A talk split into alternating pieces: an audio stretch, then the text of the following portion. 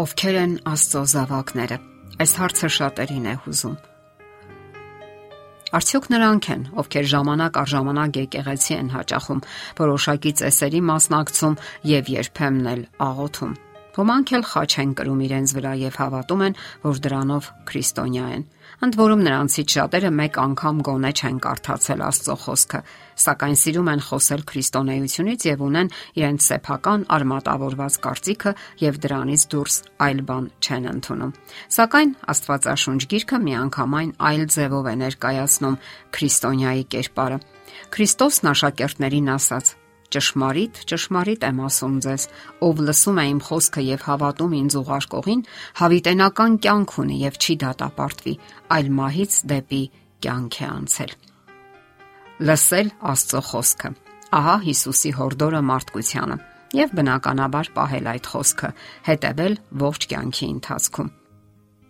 Քրիստոնյաները այն մարդիկ են, ովքեր մեկ են նրա հետ, նրա աշխատանքի մեջ, նրա հետ խմելով վշտի գավաթից, մասնակից լինելով նաև նրա ուրախությանը հավերժական կյանքում։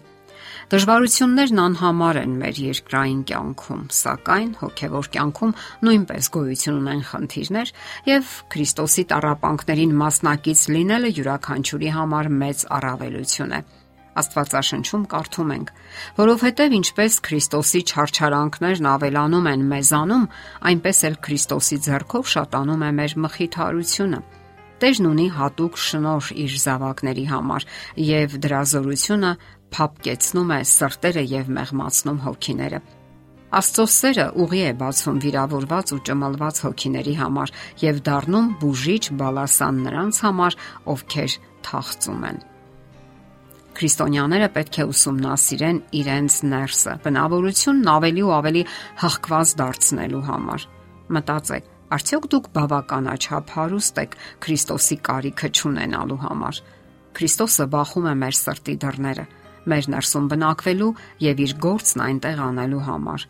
Իսկ նրա գործը մեզ սրբացնելն է, այսինքն առանձնահատուկ ժողովուրդ դարձնելը։ Սա այն է, ինչ Աստված ցանկանում է իրականացնել իր յուրաքանչյուր զավակի կյանքում։ Դրա համար նա հաճախ յուրատեսակ քուրայով է անցկացնում իր ժողովրդին, որpիսի ապահով հասցնի վերջնական հանգրվանը, հավերժական կյանքը եւ Աստվածաշնչյան Հովսեփի նման նրա յուրաքանչյուր զավակը կարող է իր ազդեցությունն ունենալ այս աշխարհի վրա, փոխել աշխարհի դեմքն ու ճակատագիրը։ Ահա թե ինչու կարելի է ասել, որ Աստծո հետ համագործակցող մեկ մարդը ավելին կարող է անել, քան հազարավոր ձևական անվանական քրիստոնյաները։ Եվ հիշենք, որ Աստված իզորու է ամենաանհավանական հրաշքներ գործել անգամ անհուսալի իրավիճակներում։ Նա կարող է օշնության վերածել ծանր իրավիճակները եւ իր փառքը ցուցադրել։ Քրիստոնեական հեղինակ Կարլ Հաֆները նախասահմանվածություն իր գրքում գրում է. Դուք Աստծո զավակ եք սուրբ ստեղծագործություն եւ նախասահմանվածություն, որ տարածվում է այս աշխարհի սահմաններից այն կողմ։ Դա նշանակում է, որ դուք նժդեհ եք այս աշխարհում։ Դուք գտնվում եք այստեղ որոշակի նպատակով, կոչված եք փառավորելու Աստծուն ամեն բանում։ Ձեր ներդրումը մարդկության հաջողության գործում կարող է քիչ լինել, սակայն ձեր աշխատանքն այս աշխարհում զգալի է եւ չպետք է թերագնահատվի։ Ահա թե ինչու կարևոր է ազատագրվել շրջանակներից եւ ձգտել տեսնել այն մեծ նպատակը, հանուն որի դուք ստեղծվել եք։ Օգտագործեք այս կյանքը, որpիսի պատրաստվեք հաջորդ կյանքին։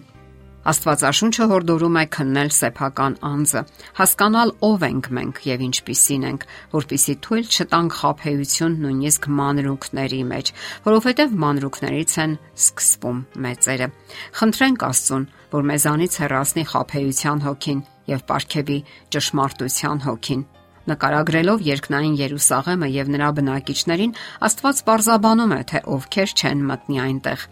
դրսում են շներն ու կախարդները, pornikները, մարդասպանները, կռապաշտները եւ ստություն սիրող ու գործող բոլորը։ Շատ հեշտ է սիրել գեղեցկությունն ու կատարելությունը,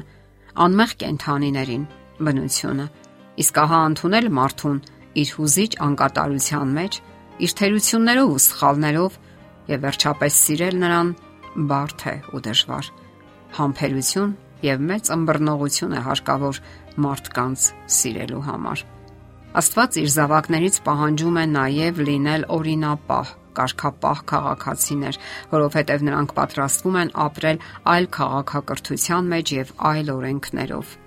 Ինչ տեղի կունենար այն հասարակության մեջ, որտեղ զավակները չեն լսում մեծահասակներին, որտեղ գողերը անարգել մտնում են տներն ու թալանում։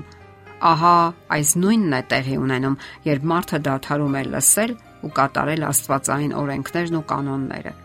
Ուշագրավ է, որ շատերն էլ նվաստացուցիչ են համարում ենթարկվել Աստծո հրահանգներին ու օրենքներին։ Նրանք կերադասում են մարդկային օրենքները, որոնք սահմանափակ են ու ոչ ճկուն։